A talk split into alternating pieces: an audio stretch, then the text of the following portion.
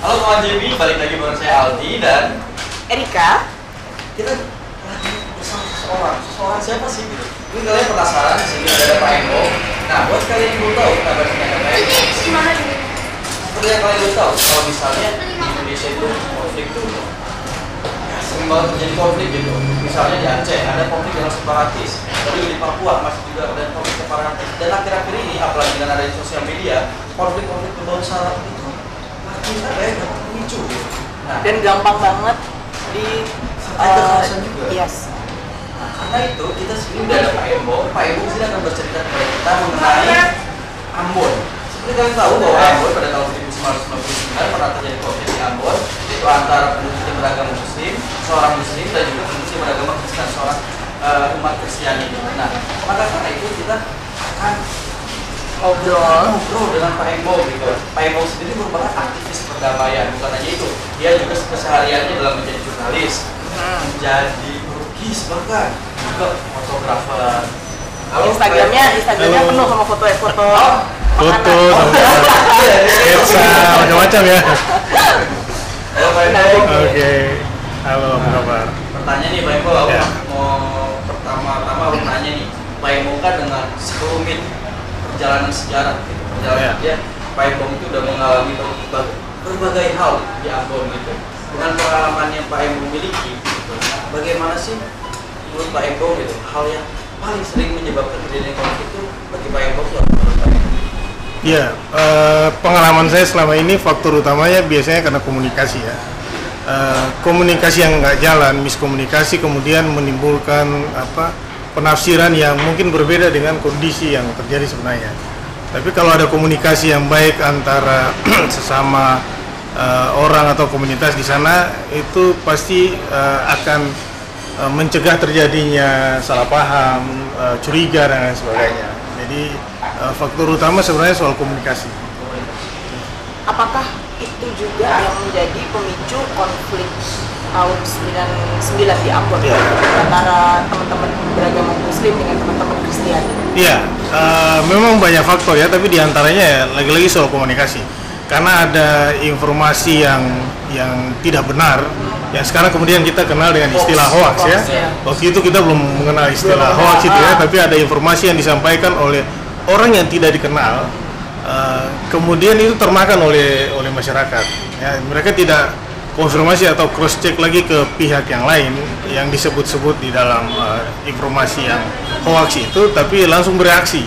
Ketika mereka bereaksi di pihak yang sana juga karena mendapatkan informasi yang salah, mereka juga bereaksi Oke. ya bereaksi. Jadi- Jadi informasinya di dua belah pihak itu yang mendiskreditkan pihak yang lain dan sama-sama bersiap-siap akhirnya saling eh, apa tengok atau saling ngintip dan menjadi alasan pemeran ya benar mereka sana kayaknya udah siap-siap informasi yang tadi kayaknya benar nih kayak gitu misalnya Jadi ada bumbu-bumbu Ya. yang lain juga. yang ya? disampaikan oleh orang yang tidak dikenal dan tidak terkonfirmasi orang itu siapa kayak gitu misalnya hoax itu udah, udah mulai dari dulu ya? Oh, dari dulu. Cuma Cuma- belum ada internet loh. Kalau kita pikir mungkin hoax itu cuma ada Gara-gara ada media sosial ya. Ya. Padahal sebenarnya enggak. ya gosip mungkin ya kalau Iya. zaman dulu gosip-gosip. Ah, iya, gosip. ya seperti itu isu-isu gitu ya Nah, nah kalau eh, selain itu eh, ini pengalaman Pak Embong pada saat itu kalau aku baca di buku yang eh, kita semua bersaudara itu kan cerita orang bersaudara cerita orang bersaudara itu ada tulisan Pak Embong di situ Pak Embong men- eh, menceritakan eh, pengalaman pada hari kejadian Ya. gitu bisa dibilang jadi Pak Embong ini saksi yang ada di apa, Lokasi. di, di lokasi Ya. Boleh nggak Pak Embong mungkin ada teman-teman kawan JB yang yang nggak belum Oke. yang tidak tahu nih soal konflik di Ambon boleh. Nggak Pak? Sedikit diceritain tentang eh, hari itu. Oke, jadi secara secara singkatnya aja eh, lokasi konflik pertama Maluku itu persis di depan rumah, di depan rumah saya. Kebetulan rumah itu tidak jauh dari terminal angkot. Nah, buntutnya sebenarnya dimulai dari perkelahian antara sopir angkot dan preman yang suka malak gitu ya, malak. ya. Nah, terus eh, kemudian berkembang Eh, lalu tiba-tiba ada provokasi dari kelompok orang tertentu yang menyebutkan bahwa eh, pihak dari kelompok Muslim kebetulan desa Batu Merah itu mayoritas Muslim ya. Desa Batu Merah itu Muslim itu hendak menyerang ke eh, Mardika yang mayoritas Kristen. Nah, kami kebetulan ada empat keluarga di situ yang Muslim yang di perbatasan itu ya. Nah, isu itu dari sekelompok orang tadi itu yang saya bilang eh, mereka yang tidak dikenal itu memberi informasi itu dari warga Mardika kemudian terpancing. Nah, terpancing itu kemudian terjadi lempar-lemparan batu. Nah, lempar-lemparan batu lalu dia eh, memuncak sampai ke aksi bakar-bakaran dan lain sebagainya. Ketika aksi itu terjadi orang-orang yang tadi menyebarkan informasi itu udah nggak ada. Kayak gitu misalnya. Dan eh, agak unik di Ambon itu karena eh, desanya itu muslim Kristen muslim Kristen gitu ya. Walaupun ya dari dari Belanda sebenarnya sudah tersegregasi seperti itu. Jadi dari dulu. Tapi memang ada kemudian ada eh, warga yang berbeda agama juga di situ, tapi kemudian mereka jadi minoritas di situ ya. Nah, ketika konflik itu eh, 99 itu terjadi, sebagian besar itu terjadi di perbatasan antara antara dua desa yang kebetulan secara mayoritas berbeda agama. Nah itu mereka dipicu di situ dan orang-orang yang memicu itulah yang sampai sekarang nggak jelas keturunannya di mana seperti itu. Terus Nah. sekarang kira-kira apa sih Pak keadaannya? Apakah desanya masih berkelompokan, eksklusif seperti itu? Hmm. Ya, jadi eh, ketika 19 Januari konflik pertama 99 itu kemudian eh, warga berusaha lari ke daerah mayoritas sesuai agama yang dia peluk ya. Rata-rata gitu. Kalau enggak ya mereka ke pengungsian. Nah, sejak itu sampai 2004 kondisinya praktis yang muslim hanya di wilayah muslim, yang Kristen hanya di wilayah Kristen. Hanya satu wilayah di sana itu eh, namanya kawasan Wayame, Desa Wayame yang Desa Wayan. ya Desa Wayame itu yang Muslim Kristennya sama-sama di situ dan nggak nggak nggak ngapa-ngapain karena dijaga agak ketat juga eh, di selain karena kemampuan dari warga yang ada di situ menjaga secara apa eh, kompak begitu ya biar tidak tersusupi informasi yang kemudian bisa memecah belah mereka di situ tapi juga eh, karena di sekitar kawasan mereka itu ada depo Pertamina yang mensuplai untuk eh, sekarang ini untuk wilayah Maluku, Maluku Utara, Papua, Papua Barat situ ya. Jadi ya tentu instalasi itu harus dijaga ya dan warga di situ juga harus harus eh, bekerja sama untuk menjaga supaya jangan sampai terprovokasi oleh pihak lain gitu. Nah, sekarang kan kalau kita lihat nih misalnya baru-baru ini bahkan eh, itu masih ada yang eh, didasari karena ada ya itu tadi eh, satu kurang komunikasi terus kemudian yang kedua kalau kita lihat nih ya sekarang Sarah itu selalu dibawa-bawa Hmm. Sentimen Sarah, Sentimen ya. Sarah. kalau Ambon sendiri melihatnya gimana sih Pak? Bukan hanya di Ambon ya, tapi di Ya. daerah-daerah lain. Apakah memang eh, sekarang sentimen terhadap Sarah itu semakin menguat eh, atau ada itu tadi faktor utamanya memang karena ada miskomunikasi itu Pak? Ya, eh, tadi saya kelupaan menjawab eh, soal kondisi yang sekarang ya. Sekarang. Nah, saya nyambung sedikit dulu yang soal kondisi sekarang tadi itu. Eh, pasca 2000, praktis sampai 2004 itu konflik yang secara fisik itu berlangsung ya. Ada eh, informasi serang-serangan dan lain sebagainya itu sampai 2004. Setelah itu mulai peranan eh, warga mulai capek dengan kondisi yang ada, lalu mulai sadar bahwa eh, selama ini kayaknya kita dikipas-kipas oleh orang yang gak jelas contohnya nah, kayak gitu misalnya ya. Jadi peranan belajar dari situ lalu eh, yang tadinya eh, mengungsi sudah ada yang mulai coba kembali kayak gitu misalnya tadi selain Wayami itu ada da- daerah namanya daerah eh, Lata itu juga ada yang memang mereka sempat keluar yang muslimnya tapi eh, ketika dijamin oleh apa eh, kerabat mereka atau tet- tetangga mereka yang tadinya Kristen di situ itu mereka udah mulai balik lagi Nah, nah perlahan juga proses-proses yang dibangun oleh teman-teman uh, komunitas di lapangan itu meyakinkan orang bahwa sudah bisa untuk kembali ke daerah yang yang uh, tadinya mereka tinggalkan kayak gitu ya, Nah, kayak gitu. Nah, uh, kemudian memang 2011 coba di, di ini lagi disentuh lagi ya, lagi-lagi soal isu sara itu ya dengan isu sara di konon dikabarkan ada tukang ojek uh, 2011 yang eh, Muslim itu dibantai, isunya dibantai di wilayah Kristen kayak gitu misalnya. Eh, dan sempat eh, Ambon nyaris eh, apa rusuh lagi gitu ya. Nah, eh, tapi cepat teman-teman bekerja di lapangan, eh, lalu kondisinya kembali pulih seperti sedia kala ya. Memang eh, kadang-kala teman-teman menyebutkan di sana ini ini kita terbawa pengaruh dari Jakarta maaf ya untuk orang Jakarta karena pilkada Jakarta waktu itu yang menyerempet ke isu sara itu juga akhirnya eh, ada imbasnya ada juga. imbasnya terutama ke sosial media ya Iya. nah pengaruh di situ itu itu juga membawa suasananya sampai ke, ke daerah bukan urusan orang Jakarta aja tapi semuanya ikut ikut terbawa ke situ dan saya pikir pasca itu kelihatannya kita banyak yang kemudian menggunakan isu agama untuk kepentingan ya ya. mulai menggunakan isu agama untuk kepentingan-kepentingan terutama politik, ya Politik, ya. dan itu i- kebanyakan kan di situ sebenarnya akarnya kalau di ini agak nyangkut sama Ya. politik. Kalau di pilkada kemarin kemarin juga sempat ada pilkada tuh. Ya. Eh, apakah isu soal sara ini juga dipakai lagi? Ya untuk oknum tertentu itu coba-coba dipakai, tapi itu sudah bukan jualan yang laku lagi di, di Di masyarakat. Hmm. Udah masyarakat udah bosan udah, dengan ya, udah ya isu- selalu selalu, isu selalu seperti itu. di Ya, walaupun mungkin ada satu dua secara person eh, apa termakan juga, tapi itu tidak merepresentasi semua orang yang ada sekarang di sana. Kalau tadi kita lihat kayaknya dari isu-isu yang udah terjadi di Ambon tuh orang Ambon tuh belajar dari pengalaman mereka gitu. Ya, Karena orang Ambon belajar dari pengalaman mereka, sebenarnya kira-kira bagaimana sih sebenarnya cara orang Ambon itu dapat meredam konflik itu apa karena belajar dari itu atau ada faktor-faktor lain yang bisa menyebabkan orang Ambon dapat lebih meredam konflik di dalam ya.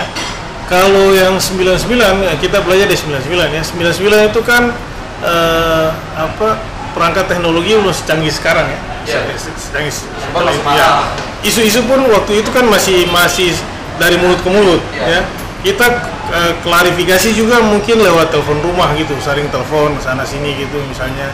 Nah, belakangan kita belajar dari situ sehingga eh, apa kemudian ada inisiatif dari teman-teman terutama Pak Jeki Manoputi kita bikin eh, semacam clearing house informasi gitu misalnya. Begitu ada informasi yang nyampe teman-teman langsung ke lapangan ngecek benar nggak informasinya seperti itu? Lalu disebar ke sosial media. Dan terutama waktu itu yang yang agak kuat ketika itu orang menggunakan BlackBerry Messenger ya. Nah kita sebar lewat situ BBM Group gitu misalnya bahwa nggak benar informasinya kayak gini misalnya. Jadi itu bisa langsung cepat di, diredam gitu misalnya. Nah, akhirnya kita muncul dengan isu provokator damai itu dan sampai sekarang itu setiap ada upaya yang mencoba eh, memberi informasi hoax yang ujung-ujungnya untuk memprovokasi ke arah kekerasan, kita lawan dengan provokasi perdamaian. Kita lawan dengan informasi yang sebenarnya terjadi di lapangan itu seperti apa. Itu yang kita bilang provokasi perdamaian. Jadi ada informasi yang bias atau yang miring, kita cari pembenarannya, kita cari yang sebenarnya terjadi itu apa dan kita kita eh, lawan informasi tadi itu dengan fakta dan data yang ada di lapangan. Oh, berarti ini media sosial benar-benar dipakai sebagai penyebar informasi yang benar dan yang valid dan Ya, akurat. kayak gitu misalnya. Contohnya misalnya ketika 11 September itu kemudian banyak media di Jakarta memblow up informasi itu, bahkan eh, data dan angkanya pun berbeda dengan fakta yang ada di lapangan. Nah, itu kita lawan akun sosial media eh, media-media itu, kita lawan ke akun sosial media dengan fakta dan data yang sebenarnya di lapangan. Ya, bahkan misalnya peristiwa itu hanya terjadi di sore hari, eh, hanya beberapa jam, kemudian sudah tidak ada terjadi apa-apa lagi, orang beraktivitas lagi. Tapi model eh, TV berita kita kan dia setiap berapa eh, waktu itu kan dia mengulang berita-berita yang sama. Kadang-kadang gambarnya itu kondisinya udah jauh berbeda dengan itu, tapi karena tidak punya stok gambar yang lain, mereka putar lagi kondisi-kondisi itu kan, kayak gitu. Nah kita lawan itu kita bilang Eh, kondisinya sudah nggak kayak gitu. Eh, mintalah kores- koresponden Anda kirim atau kontributor Anda kirim gambar yang terbaru dan informasi yang Anda sampaikan itu tidak benar kayak gitu misalnya. Nah, karena eh, kita lawan terus dengan dengan apa eh, informasi misalnya di Twitter di sosial punya apa media-media TV yang ada di sini itu sehingga mereka mulai rubah. Misalnya pilihan diksi katanya juga mereka bilang Ambon kerusuhan lagi. Kami bilang tidak ada kerusuhan di Ambon. Yang ada hanya kericuhan atau keributan di satu titik saja dan tidak mempengaruhi satu kotanya dan itu sudah bisa selesai dalam waktu dua jam tapi berita anda menyebutkan Ambon dalam kondisi mencekam dan lain sebagainya kayak gitu misalnya penggunaan kata juga Ya. penting dalam uh, menyebarkan informasi. ya Ternyata orang orang saudara-saudara kita di Ambon itu udah keren banget kan, karena pengalamannya bahkan media sosial ini sekarang digunakan sepositif mungkin. Ya. Mereka sudah mampu memilah dengan verifikasi berita. Ya. gitu. Bahkan dapat menjadi pengkontrolnya berita Ya. itu. Kita memberikan eh, penyampaian informasi kepada saudara-saudara di luar Ambon bahwa di Ambon itu seperti ini loh. Ya. Dan hal ini patut dicontoh buat Harus dicontoh sama teman-teman jadi bahwa media sosial jangan cuma dipakai buat gosip, buat menyebarkan info-info yang mengandung apa tadi hoax, uh, fake news, sama ujaran kebencian. Nah, jadi kayaknya kita harus belajar dari teman-teman di Ambon bagaimana mereka bisa uh, mencegah terjadinya kekerasan ya. Uh, jadi kalau bisa sih jangan sampai ada konflik gitu. Ya. Kekerasan kecil-kecil juga harus sudah bisa di, uh, dicegah. Nah, Pak Mong sendiri kan sekarang um, aktif di Paparisa Ambon Bergerak ya Ya. teman-teman komunitas komunitas. Boleh ceritain nggak Pak, Paparisa Ambon Bergerak ini apa sih? Dan Ya. kegiatannya apa? ya eh, saya dianggap eh, orang bagian dari orang tua yang yang ikut aktif dengan teman-teman muda di situ ya Semua masih muda kok Pak. Iya iya. Jadi di Ambon itu eh, untuk kepentingan kita melawan provokasi kekerasan itu kita bikin provokasi perdamaian, tapi dengan cara masing-masing orang dengan passionnya atau dengan bakat yang dia miliki. Jadi ada teman-teman yang bergerak di sastra, ada teman-teman yang bergerak di seni lukis gitu misalnya, eh, ada yang bergerak di macam-macam pendidikan kayak gitu misalnya. Nah itu eh, terwadahi dalam satu eh, organisasi yang namanya Paparisa Ambon Bergerak. Jadi di situ banyak banyak eh, teman-teman dengan eh, organisasi dan latar belakang macam-macam seperti Ronald juga biasa dengan seni tari dan sebagainya ikut terlibat di situ ya beberapa teman lain juga dengan sketsa dengan lukisan kayak gitu misalnya. Nah sering berkegiatan di situ. Jadi eh, awalnya itu berkegiatan di tempat-tempat eh, terutama di area publik Eh, misalnya untuk teman-teman dari Maluku Photo Club ya. Eh, waktu itu pasca segregasi itu misalnya ada waralaba yang tadinya sebelum konflik itu buka 24 jam. Tapi setelah konflik cuma sampai jam 6 lalu tutup kayak gitu misalnya. Nah saya ajak teman-teman oke kita hunting foto. Hunting foto itu tentu lewat daerah yang eh, Islam Kristen Islam Kristen gitu ya karena kondisinya emang udah dari dulu kayak gitu. Nah kita hunting misalnya hunting eh, sunset di wilayah bagian selatan itu kita harus lewati beberapa daerah muslim dan daerah Kristen sampai di ujung sana. Nah ketika sunset lalu kita mengejar momen sunsetnya orang-orang di beberapa desa yang kita lewati itu kan mereka mulai lihat tuh itu ada eh, anak-anak muda ada yang pakai jilbab ada yang pakai salib kan kadang-kala identitasnya Ada itu ya ada itu kan. Ya. Itu nggak masalah tuh sampai di sana mereka pergi walaupun waktu itu masih uh, ada istilah jam malam gitu ya. Oh, Tapi mereka nggak masalah itu pergi ke sana terus pulang lagi beberapa kali kayak gitu terus uh, sunrise di wilayah utara di, di desa Tulehu itu yang mayoritas Muslim kayak gitu juga orang mulai lihat. Jadi sebenarnya kita ini nggak masalah kalau sampai sudah lewat malam atau di saat dini hari itu nggak masalah kalau saling masuk keluar gitu misalnya. Menunjukkan ke orang bahwa ini nggak masalah loh kayak gini. Nah terus diskusi di waralaba itu yang tadinya sampai jam 6 begitu ditegur sebentar pak lagi asik serius diskusi fotonya tadi nih. Nah kemudian waktunya kan molor tuh. Ah, satu jam besoknya naik lagi dua jam seterusnya lama-lama. Jadi jam 12 malam orang apa pengelolanya dan orang yang datang kan itu nggak apa-apa tuh orang masih duduk di situ tuh kayak gitu misalnya. Jadi kita duduk yuk. Eh, kayak gitu misalnya. Lama-lama jadi ada trust gitu ya. Sebenarnya nggak masalah sih kita sampai jam berapa aja di situ biar ada publik. Tuh nggak nggak dia apa-apain juga nah kondisi nah, orang jadi jadi apa percaya diri berani dan datang ke situ akhirnya waralabanya 24 jam lagi kayak dulu. Nah itu impactnya banyak banget ya, dari yang dilakukan sama Ambon. misalnya kayak gitu ya atau eh, bikin kegiatan di wilayah yang eh, teman-teman kan eh, komunitas isinya macam-macam agama ya dan latar belakang suku itu datang di situ. Warga di situ kan jadi lihat oh nggak ada masalah nih kayak gitu misalnya. Yang tadinya orang ada was-was dan lain sebagainya begitu lihat rame-rame orang datang situ anak-anak muda gitu berkegiatan di situ mereka jadi mulai punya percaya diri untuk bisa ke mana-mana tanpa ada rasa takut positif banget nih apa yang dikerjain sama Papa Risa Ambon bergerak. Tapi kalau sampai sekarang eh, kegiatannya apa nih Pak? Yang Papa Risa Ambon bergerak. yang terbaru yang dilakukan Eh, sekarang teman-teman bantu eh, untuk relawan penanganan pengungsi kan ada Oh, gempa iya, beberapa iya, iya, ya, iya. gempa di sana. Dan itu masih sampai sekarang Ya. ya? Nah untuk penggalangan bantuan juga misalnya teman-teman bikin konser dadakan gitu, misalnya baca puisi, eh, nyanyi kayak gitu misalnya, terus ada yang nyumbang kayak gitu. Kawan JW yang mungkin mau nyumbang, ada nggak Pak alamat yang mau Bapak eh, sampaikan? Saya nggak apa, tapi nanti saya nanti saya kasih. Oh, boleh. Nanti Nanti, Instagram. nanti lihat di Instagram kita. Ya. eh, kalau misalnya ada teman-teman yang tergerak hatinya untuk membantu teman-teman di Ambon, eh, boleh cek di akun @jelajah Bhinneka. Nah, eh, sekarang kita mau ngomongin tentang anak muda. Eh, mungkin nggak cuma di Ambon tapi di gimana caranya anak-anak dan apa sih yang seharusnya dilakukan oleh anak-anak muda? Now zaman sekarang ini eh, untuk menjauhi konflik. Ya.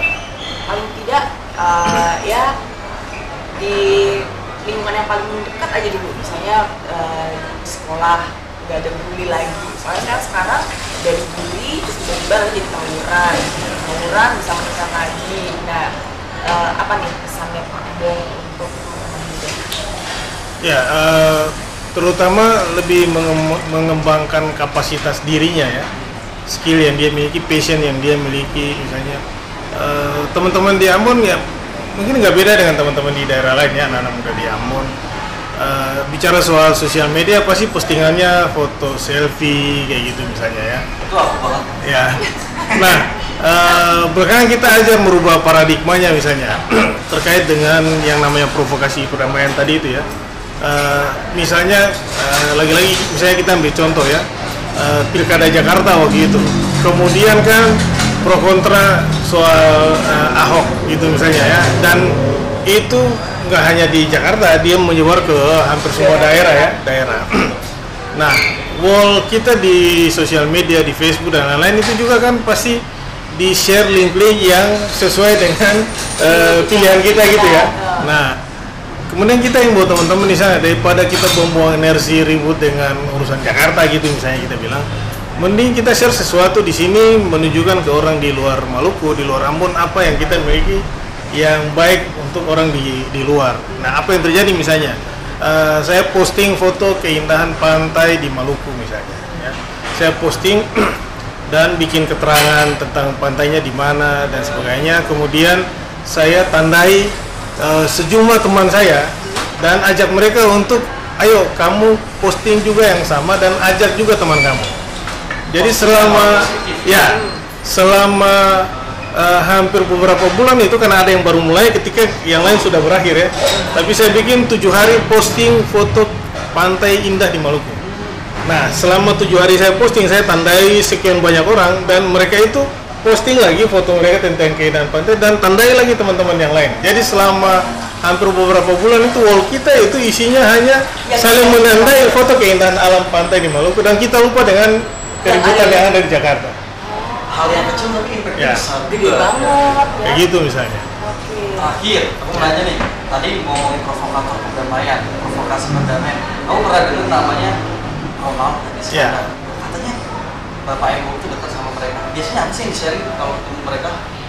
Ya, ya paling diskusi tentang eh, kira-kira kegiatan apa yang kita bisa bikin, kayak gitu misalnya, atau merespon situasi yang ada sebaiknya seperti apa kita eh, bertindak, kayak gitu. Ya, intinya ya bagaimana kita eh, melawan informasi yang salah yang dalam bentuk hoax itu dengan eh, aksi nyata langsung, misalnya datang langsung ke lokasi yang diinformasikan, atau membuat kegiatan yang orang jadi lupa dengan apa yang yang, Yang lagi- ya lagi, lagi diheboh-hebohkan ya. kayak gitulah hebohnya. misalnya. Intinya seperti itu misalnya. Nah, sekarang kita kan tadi udah dengar kalau misalnya kita gunakanlah sosial media dengan bijak lalu belajar dari konflik gitu. Apalagi konflik orang-orang saudara-saudara kita yang di Maluku itu udah mengalami konflik yang berdasarkan sara itu udah dari dulu loh. Dan mereka sekarang mungkin karena sudah bosan dan belajar dari pengalaman mereka sudah mampu lebih bijak dalam menggunakan sosial media mampu memverifikasi berita. Dan hal itu yang patut di kita contoh Kita sebenarnya contoh. dan kita eh, jangan berhenti kita. Kita juga harus bisa eh, sharing hal-hal yang positif ke teman-teman yang lain. Pakai apa? Pakai media sosial. Iya. jadi eh, jangan dibilang bahwa oh teman-teman di daerah nih gaptek-gaptek. Padahal buktinya teman-teman di Ambon bisa memberikan kita contoh menggunakan media sosial dengan lebih baik dengan bijak gitu. bahkan sebelum ramai sosial media seperti sekarang orang Ambon kan tahun 2004 hingga sebelum rame-rame sosial media gitu, mereka udah mampu memverifikasi berita loh gitu True.